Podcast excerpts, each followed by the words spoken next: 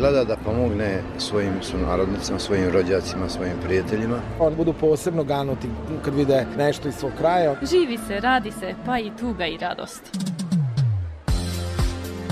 O iskustvima i postignućima naših državljana na privremenom radu u inostranstvu. Emisija Naši u svetu. Dijaspora poziva Maticu, Matica odgovara dijaspori. Granice ne postoje u mislima brižnih. Emisija Naši u svetu.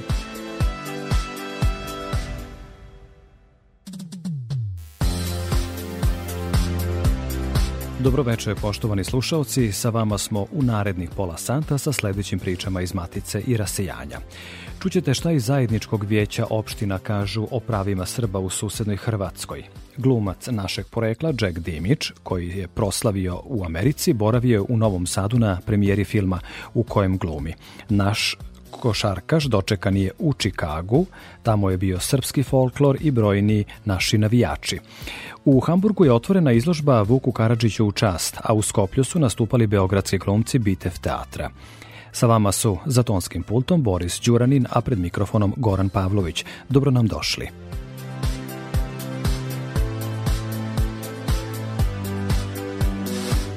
Predstavnik Uprave za saradnju s dijasporom i Srbima u regionu, savjetnik direktora Uprave za region Đorđe Aleksić prisustvovao je obeležavanju dana zajedničkog veća opština Vukovar. U Srpskom domu u Vukovaru organizovan je okrugli sto pod nazivom Školstvo u periodu od mirne reintegracije do danas. Zaključeno je da srpska zajednica ne treba nikada da odustane od svojih stavova koje su imali i u vreme potpisivanja Erdutskog sporazuma, te da današnji predstavnici srpske zajednice u Republici Hrvatskoj imaju dosta dobre temelje za svoj dalji rad i da ne treba da posustanu, nego da svaki dan još više teže ka ostvarivanju prava koja su im zakonom osigurana. Program je finansiran finansiran sredstvima Ureda za ljudska prava i prava nacionalnih manjina Republike Hrvatske. Rezultati novog popisa stanovništva u Hrvatskoj pokazali su da u Vukovaru sada živi manje od trećine pripadnika srpske nacionalne manjine, što znači da više ne mogu imati zakonsko pravo na ravnopravnu upotrebu srpskog jezika i ćiriličnog pisma. Kako to tumače predstavnici naše zajednice u tom hrvatskom gradu, govori Srđan Jeremić, zamenik župana Vukovarsko-Sremske županije i potpredsednik zajedničkog veća opština. Da li je otišlo u istoriju dvojezičnost u gradu Vukovaru ili nije, to zavisi uvek od onih e, koji su na vlasti u nekoj jedinici lokalne samouprave, pa tako i u gradu Vukovaru. Činjenica jeste da neka nacionalna manjina ima pravo na primjenu dvojezičnosti ukoliko čini najmanje trećinu stanovnika te jedinice lokalne samouprave, ali činjenica je i ovo kako ste rekli da iako je to bio slučaj u proteklih 10 godina na području grada Vukovara, ta dvojezičnost nikad nije zaživela, dakle onda možemo zaključiti da ni zakoni nisu oni koji dovoljno štite pripadnike srpske zajednice i da ona prava koja su garantovana barem na papiru nisu zaživela u praksi punih 10 godina, a za mnoga zakonska prava možemo reći da nisu zaživjela punih 20 godina od donošenja Ustavnog zakona o pravima nacionalnih manjina, ali ako hoćete, mnoga se vuku još od perioda mirne reintegracije, dakle od 1997. godine su mnoga manjinska pitanja nerešena.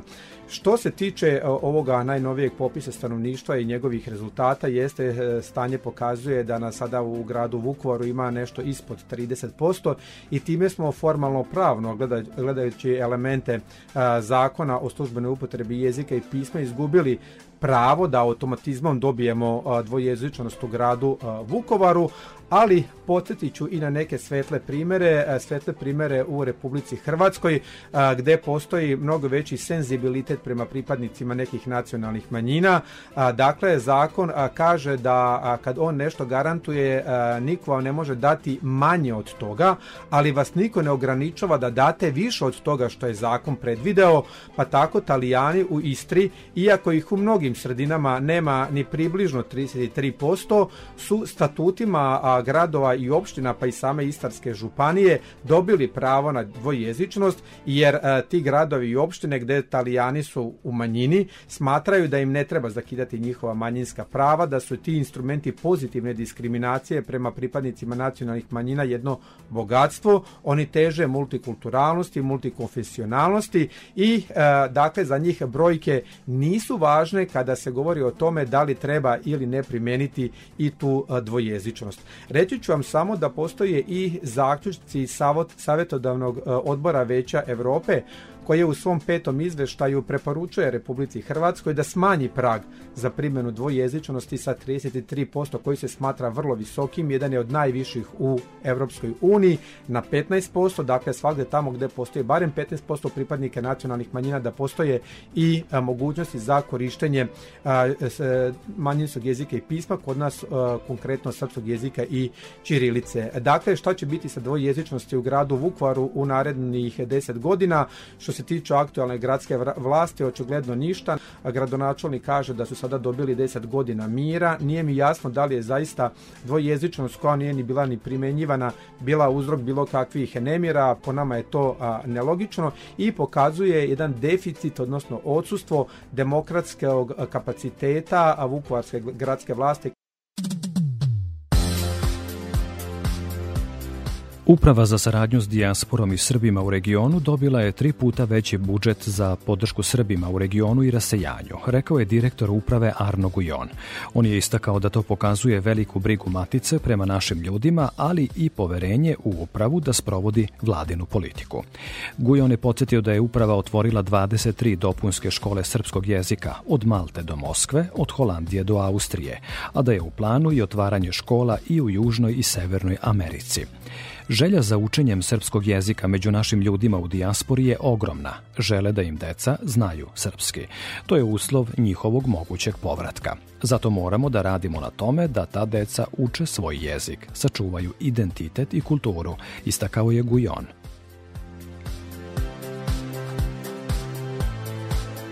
Glumac Jack Dimić, koji od kraja 90. godina živi u Sjedinjenim američkim državama, najviše voli da radi na maternjem jeziku.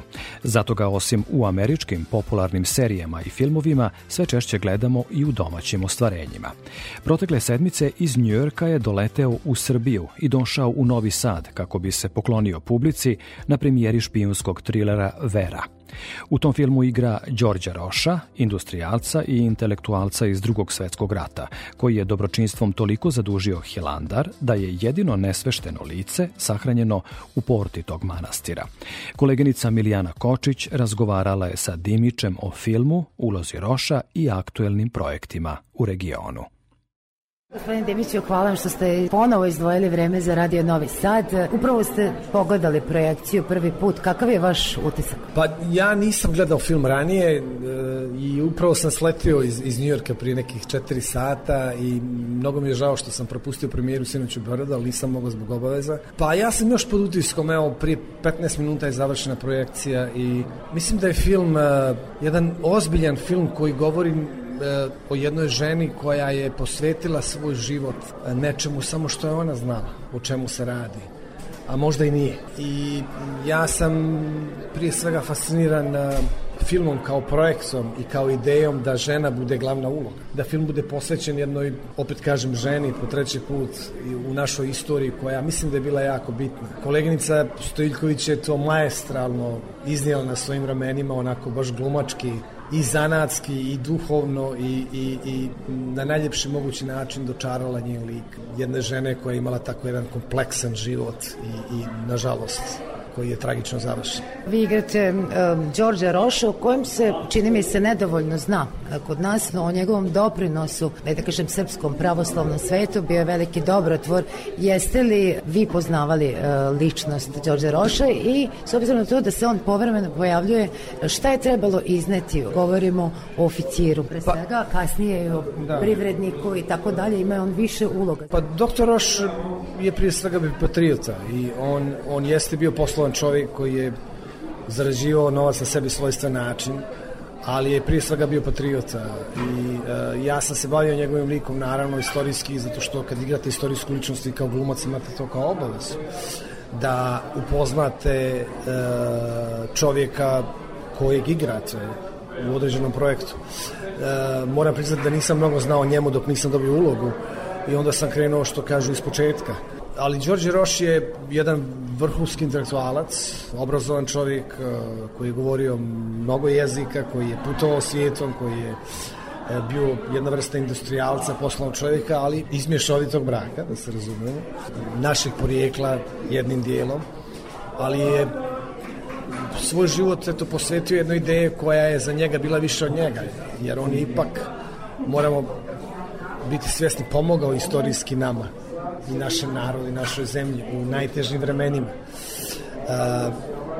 E sad, kako sam ja to radio, ja to prepuštam publici. Ja sam se trudio da pošto sam slušao mnoge priče, odnosno čitao mnoge priče o njemu, kako je bio šarmantan, kako je bio jako držao do svog izgleda. Sad, ja ne znam koliko sam ja šarmantan privatno, ali sam se trudio da se približim što više njemu, gledao mnoge fotografije koje su mi e, došle, e, što kažu, u ruke da, da, da, da vidim kako je on prije svega izgledao.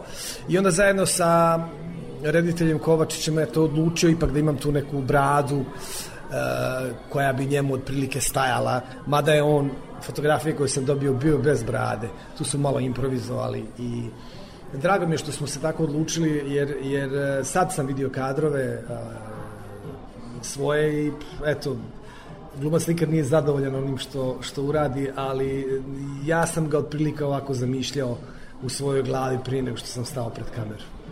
Stiče se utisak da ste sve više zastupljeni u domaćim uh, filmovima, serijama, pa i u medijima. Je li to bila srećna okolnost ili ste zapravo to želeli i nameravali? Da, ja sam svojevremeno rekao javno, a i privatno onima koji me znaju. Ja kad sam imao 12 godina i maštao o ovoj divnoj profesiji, nisam maštao da budem glumac u Americi, već u, u Beogradu, u tadašnjoj Jugoslaviji. Međutim, sticam okolnosti, to mi nije pošlo za ruku jer sam odbijen nekoliko puta ovdje na akademiji i otišao u, kod svoje maćehe Amerike i tamo, eto, ostvario neke uloge koje su me dovele ponovo nazad. Ja se radujem da radim gdje god da radim, ali najviše volim da radim na svom jeziku, naravno. Uz dužno poštovanje četiri jezika na kojima sam radio dosta svoj posao u preko 87 uloga. Meni su ipak najdraže te na jeziku koji mi je majka dala i na dijalektima koje ja mnogo volim da radim uh, kad radim ovdje u regionu. Uh, Biće toga još, uh, naravno neću da zapostavim svoju maćehu u Ameriku. Kako usklađujete to i šta je trenutno aktualno i tamo i ovo? Pa usklađujem u zadnje vrijeme vrlo lako zato što sam više ovdje nego tamo jer ja već godinu i po dana nisam radio u Americi zbog nekih pravila koje su oni uveli za glumce oko tih medicinskih propisa zbog COVID-19. Ja sam uh, uzeo taj stav, ne želim da se poredim s njim kao Novak Đoković. Ja nisam pristao da radim pod njihovim uslovima i neću da pristajem da radim do aprila mjeseca kada oni ne ukinu. A ukinuće, već sam dobio informaciju da će ukinuti taj propis koji više stvarno nema smisla. Tako da ću da se vratim pred kamere u Sjedinjenim državama, a za to vrijeme sam iskoristio da radim uh, na svom jeziku uh, koje mi je majka dala i nije mi žao zbog toga. Spojio sam ugodno s korisnim.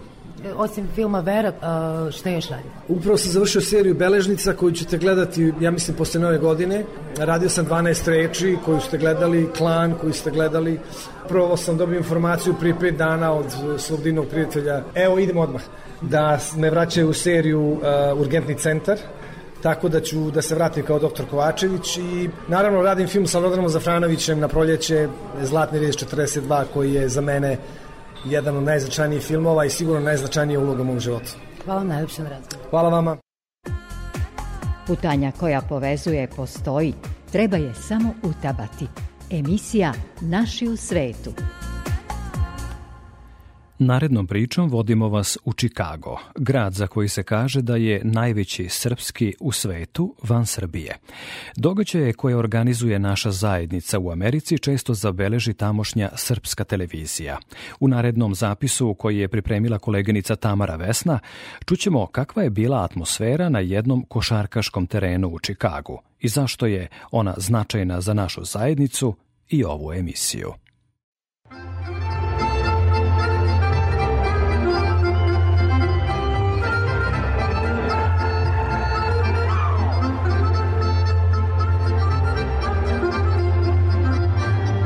Nageci savladali Bullse u Čikagu rezultatom 126 prema 103. Meč je otpočeo nakon nastupa srpskih folklornih grupa Svilen Konac i Dukati Biseri. Dosta Srba ispratilo je meč, a na više mesta u publici bio su srpske zastave. Publika je pozdravila igru naših folklornih grupa zaslužim aplauzom. Nikola Jokić zadovoljan igrom. U intervju za STV podelio utiske o meču protiv Bulsa i rekao komu najviše nedostaje Srbije. Ja sam samo igrao da pobedim ovaj, na domaćem terenu, tako da kažem ovde u Čikagu gde su svi naši, tako da je ovaj, drago mi samo da smo pobedili. Kad budete otišli u stari kraj, koga želite prvo da vidite, naravno, posle familije? O, nemam pojem, verovatno sve moje drugare i prijatelje, ovaj, što su, što su, ovaj, što provodim ovaj, vreme s njima. Nije to neki veliki broj, ali neki moji, moji ovaj, najbliži, najbliži prijatelji, kumovi, drugari, tako da, rodbina. Šta vam ovde nedostaje? To, osim prijatelja?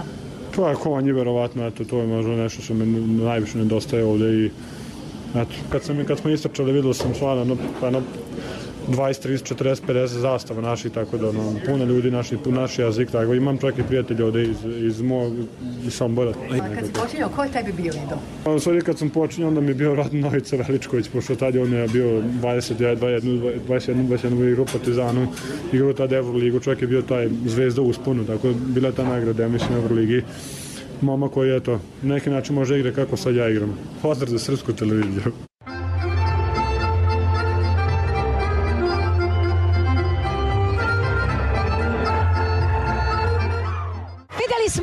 Jokića, kaže broj 15, a ovo je u stvari Dragan sa nama. Dragane, odakle si ti? Dobro veče, hvala. Mi smo iz Vojvodine, iz Kule, evo došli smo da podržimo Denver Nuggets našeg Jokića. Utisci su fenomenalni, ne znam šta drugo da kažem. Pozdrav svima u Srbiji, pozdrav gledalcima, sve super. Jeste gledali naš folklor? Jesmo, takođe gledali smo folklor, to je bilo stvarno super stvar, lepo, lepo da se prezentuje Srbija, jako lepo što, što, što je bilo, ovaj, tako da ispratili smo sve i pratimo, pratimo šta god ovde u Čikagu, događaje naše. Živa! Izložba Vuk i Nemci otvorena je u Nemačkoj na Univerzitetu u Hamburgu. Organizatori te izložbe koja će nastaviti putovanje po Nemačkoj su ambasada Srbije u Berlinu i Vukova zadužbina u Beogradu. O izložbi i vezama Vuka Karadžića sa intelektualnom elitom Nemačke 19. veka govori glavni urednik izložbe profesor dr. Boško Suvajđić sa kojim razgovara Gordana Gligorić, urednica emisije Večeras zajedno Radio Beograda 1 sa kojim razmenjujemo zapise iz dijaspore. Profesor dr. Boško Suvajđić, predsjednik je Skupštine Vukove zadužbine i glavni urednik izložbe. Profesore, dobroveče i dobrodošli među slušalce emisije Večera zajedno. Dobroveče, bolje vas našli. Šta je prikazano na izložbi ili bolje da krenemo od utisaka? Prenesite da. nam te utisaka sa otvaranja izložbe. Možda, možda od utisaka jer su utisci zaista izvrsni. Izložba je vrlo lepo primljena, predstavljanje, odnosno otvaranje izložbe je bilo na najvišem nivou, bila je posećena preko iznad moga očekivanja, bilo je tu svakako negde možda blizu 150 ovaj, ljudi, što je za i naše prilike ovde jedan veliki broj, a sem toga bila je organizovana na reprezentativnom mestu i sa reprezentativnim učesnicima. Dakle, imali smo ambasadorku Snežanu Janković, srpsku, srpskog ambasadora u Berlinu. Učestvovala je ambasadorka naša u Danskoj, gospođa Jasmina Mitrović-Marić, zatim konzul u Hamburgu Nataša Rašević, a naš domaćin je bio direktor Instituta za slavistiku, ugledni slavista i inostrani član SANU, profesor Robert Hodel. Tako da sam se našao, rekao bih, u odabranom društvu i na tom otvaranju sam održao u stvari jedno predavanje o a, koje prati izložbu Vuk Karadžić i Nemci. I šta ste poručili u tom predavanju? Znate kako, u stvari, smisao ove izložbe koja je upriličena na inicijativu gospođe Janković i ja, mi smo joj zaista zahvalni, jeste u tome da podsjeti na jedno vreme koje nije tako ni daleko kada su e, pre svega kulturni odnosi između e, Srba i, i Nemaca bili na najvišem nivou. Zaslugom e, velikih ljudi, Vuka Stefanovića Karadžića, naravno Jerneja Kopitara, ali braće Grim, GTA, Talfijeve, Tereze Albertine, Luize von Jakob i niza drugih prevodilaca i proučavalaca naše narodne poezije. Ja ovaj, malo u šali, malo u zbilji kažem da je naše pregovore sa Evropom otvorio u stvari Vuk Stefanović Karažić jednim strahovito snažnim prodorom kulturnim, kulturološkim u 19. veku kada je tada malu polupismenu tek izašlo iz, iz, iz, iz robstva zemlju i ljude predstavio kao zemlju književnika, kao književni narod koji neguje poeziju veoma visoke vrednosti i tu poeziju su prepoznali i a, takvi ljudi kao što su pominjali smo već tu recepciju a, najumniji ljudi u stvari učeni a, najučeniji ljudi Evrope toga doba Kako je koncipirana izložba? A, izložba je predstavljena tako da počinje u stvari pre Vukovih veza sa, sa, sa Nemcima, pa i pre Vukovog odlaska u Beč sa a, istorijom čuvene pesme ovaj, o Hasanagenici, žalosna pjesanca plemenita Hasanagenice, sa Albertom Fortisem, sa Geteovim prevodom, A, Hasan Agenice Gete je genijalno preveo tu pesmu i ona je imala izvanrednu recepciju evropsku koja je utrla put u stvari recepciji Vukovih zbirki i Vukovih pesmarica. Vrlo brzo, znači od 814. pa 815. dolazi do prevoda na nemački, Jernej Kopitar, Jakob Grimm pre svih koji je inače učio srpski jezik i govorio srpski jezik da bi mogao čitati, kako on kaže, te divne pesme u originalu. Onda središte izložbe je u stvari a, priča o srpskom riječniku, toj, kako bi rekao Pavle Ivić, prelomnoj knjizi srpske kulture, u kojoj se, se sabiraju i spliću sve niti Vukove, Vukove reforme i jezičke i pravopisne i kulturološke, književne, dakle jedno grandiozno delo, to je riječnik iz 1818. A u stvari sve to prethodi Vukovom odlasku u Nemačku 1823. godine, kada za dve godine triumfalno dobija mnoge nagrade, priznanja iz uh, Gettingenskog učenog društva, dobija doktorate filozofije iz, iz uh, Jene, dobija priznanja od Getea koji kaže, koji ga je dočekao kao što se redko ko u toj um, um, kod Getea u stvari proveo i dočekivao. Vuk obilazi sva ta mesta, Vuk stiče naučna i poznanstva učenih ljudi i Vuk štampa to čuveno lajpsiško izdanje narodnih pesama koje zbog cenzure tadašnje nije mogao da štampa u Beču i to je u stvari veliki Vukov triumf. Koliko je to izloženih dokumenata i koliko vremena bilo potrebno da se pripremi jedna takva reprezentativna izložba? Um, izložba je u stvari deo jednog autorskog tima. Izložbu sačinjavaju 30 Uh, izložba je digitalna i ona se štampa na određenim jel tako, materijalima. Sačinjavaju 30 panoa, 30 u stvari slika, jel, koje predstavljaju 30 slova azbuke. I to je urađeno sa prevodima na, dakle ide tekst na srpskom, ako je prepiska na nemačkom, onda je prevod na srpskom i ide takođe i prevod na a, engleski i nemački jezik. Dakle, izložba je na tri jezika, na srpskom, a, nemačkom i engleskom. Profesor dr. Boško Suvejđić, glavni urednik izložbe Vuk i Nemci, koja je prošle subote otvorena u Hamburgu u Nemačkoj. Profesor Suvajđić je redovni profesor na Filološkom fakultetu u Beogradu i predsednik Skupštine Vukove zadužbine. Hvala vam na izvojenom vremenu i mogućnosti da se podsjetimo značaja dela i zaveta Vuka Karadžića. Hvala vam. Srcem i dušom mekšamo setu jedni drugima. Emisija Naši u svetu. U Skoplju je u toku pozorišni međunarodni festival MOT, 47. izdanje na kojem učestvuju pozorišta iz regiona. Među njima su i glumci Beogradskog Bitev teatra, koji su se publici u Severnoj Makedoniji predstavili zanimljivim lutkarskim ostvarenjem.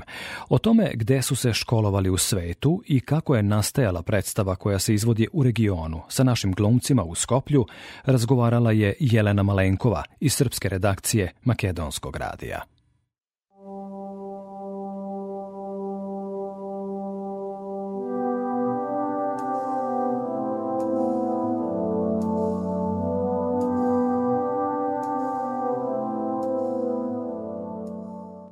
U Omladinskom kulturnom centru u Skoplju na MOT festivalu predstavom Mogućnost zabavljanja kod ptica. Učestvovalo je i pozorište objekata Bitev teatra iz Beograda. Mladi glumci Mladen Milojković, Danilo Brakočević i Ana Milosavljević deo su ove lepe lutkarske predstave koja govori o svetu gde više nema ljudi.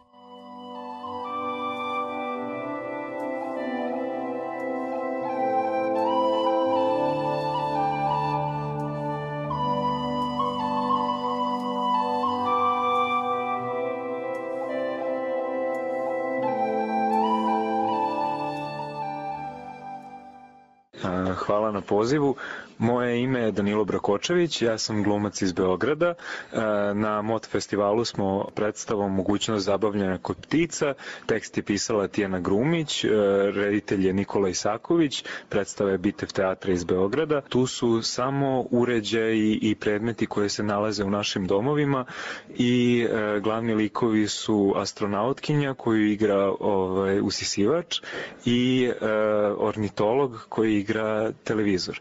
E, pored mene u predstavi učestvuju i Mladen Milojković i Ana Milosavljević. E, nas troje smo ovde u funkciji e, lutkara izvođača i mi svojim glasovima i e, kontrolišući predmete putem džojstika pričamo priču o svetu bez ljudi i upozoravamo na klimatske katastrofe koje su moguće u današnjem svetu. Znači, u pitanju je predstava pozorišta objekata, e, predstava je ekološki osvešćena, mi koristimo e, mahom predmete koji su iz druge ruke, koji su, neki su čak iz naših domova, imali smo saradnju sa jednom ekološkom stanicom, od njih smo dobili na korišćenje kablove i predmete koji će nakon nadam se, dugog života predstave biti reciklirani. Mi koristimo osim robota usivača i televizora koristimo i ovaj, koristimo automobilčiće i koristimo leteće ovaj, dronove. E, ideja predstave zapravo je nastala na festivalu ekološkog pozorišta u Bačkoj Palanci kada smo se reditelj Nikola Isaković, dramaturškinja Tijana Grumić i ja sastali i počeli da razgovaramo o tome šta može da bude inovacija danas u pozorištu. Ja sam završio Akademiju umetnosti u Novom Sadu. E, nakon Akademije u Novom Sadu studirao sam e, master studije pozorišta u edukaciji u Norveškoj, a iz Norveške sam išao u Šangaj, u Kinu, na Šangajsku pozorišnu akademiju, gde sam izučavao pekinšku operu i na master studije interkulturalnih komunikacija i performansa. Da, da, da, vratio sam se u Beograd i prvi projekat koji sam radio je bilo baš mogućnost zabavljanja zabavljanja kod ptica, što mi je bilo izuzetno drago, jer je ekipa i glumačka i autorska mlada, e, veoma entuzijastična, uspešna u, u svom radu. A da li ste prvi put u Skoplju ovde na ovom festivalu? Da, prvi put, ja sam inače prvi put u Skoplju i zaista sam oduševljen uh, gostoprimstvom i, i organizacijom i na festivalu, a i ovako ljudima u gradu uopšte.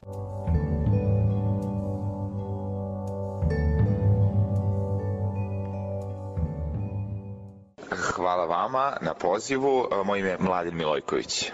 Ja sam glumac, Nišlija sam.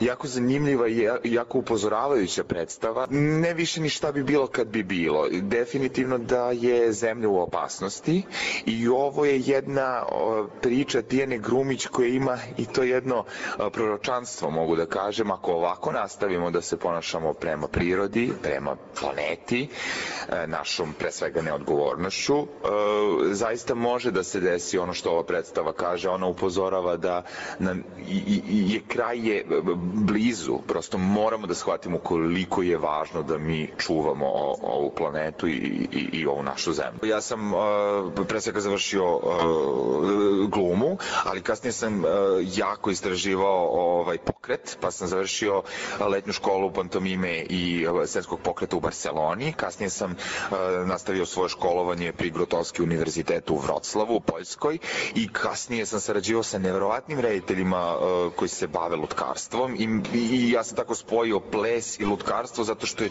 čista jedna forma i ima mnogo sličnosti i generalno lutkarstvo je jedna posebna disciplina gdje morate da budete uh, svesni sebe, zatim radnje koja se dešava svojih partnera i to je jedan timski rad, a kao neko ko je imao košarkaško veliko predznanje jer sam profesionalno se bavio ovaj, košarkom, e onda sam nekako sve to spojio koliko je važno da imaš taj jedan tim i to je najvrednija stvar. Ovo, ovo je zaista jedan timski rad, spremali smo mu predstavu jako dugo i nekako se sve ta, tako sklopilo.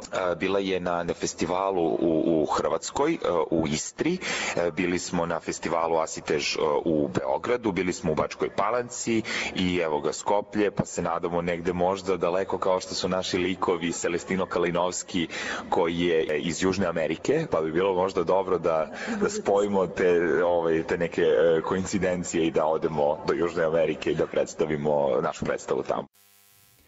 Priče iz Matice i rasejanja večera su vam pripremili Milijana Kočić, Tamara Vesna, Gordana Gligorić, Jelena Malenkova i Goran Pavlović. Sa vama smo i narednog petka u 19.5. Pratite nas na Facebooku Naši u svetu RTV. Prijatno veče želimo vam iz Novog Sada.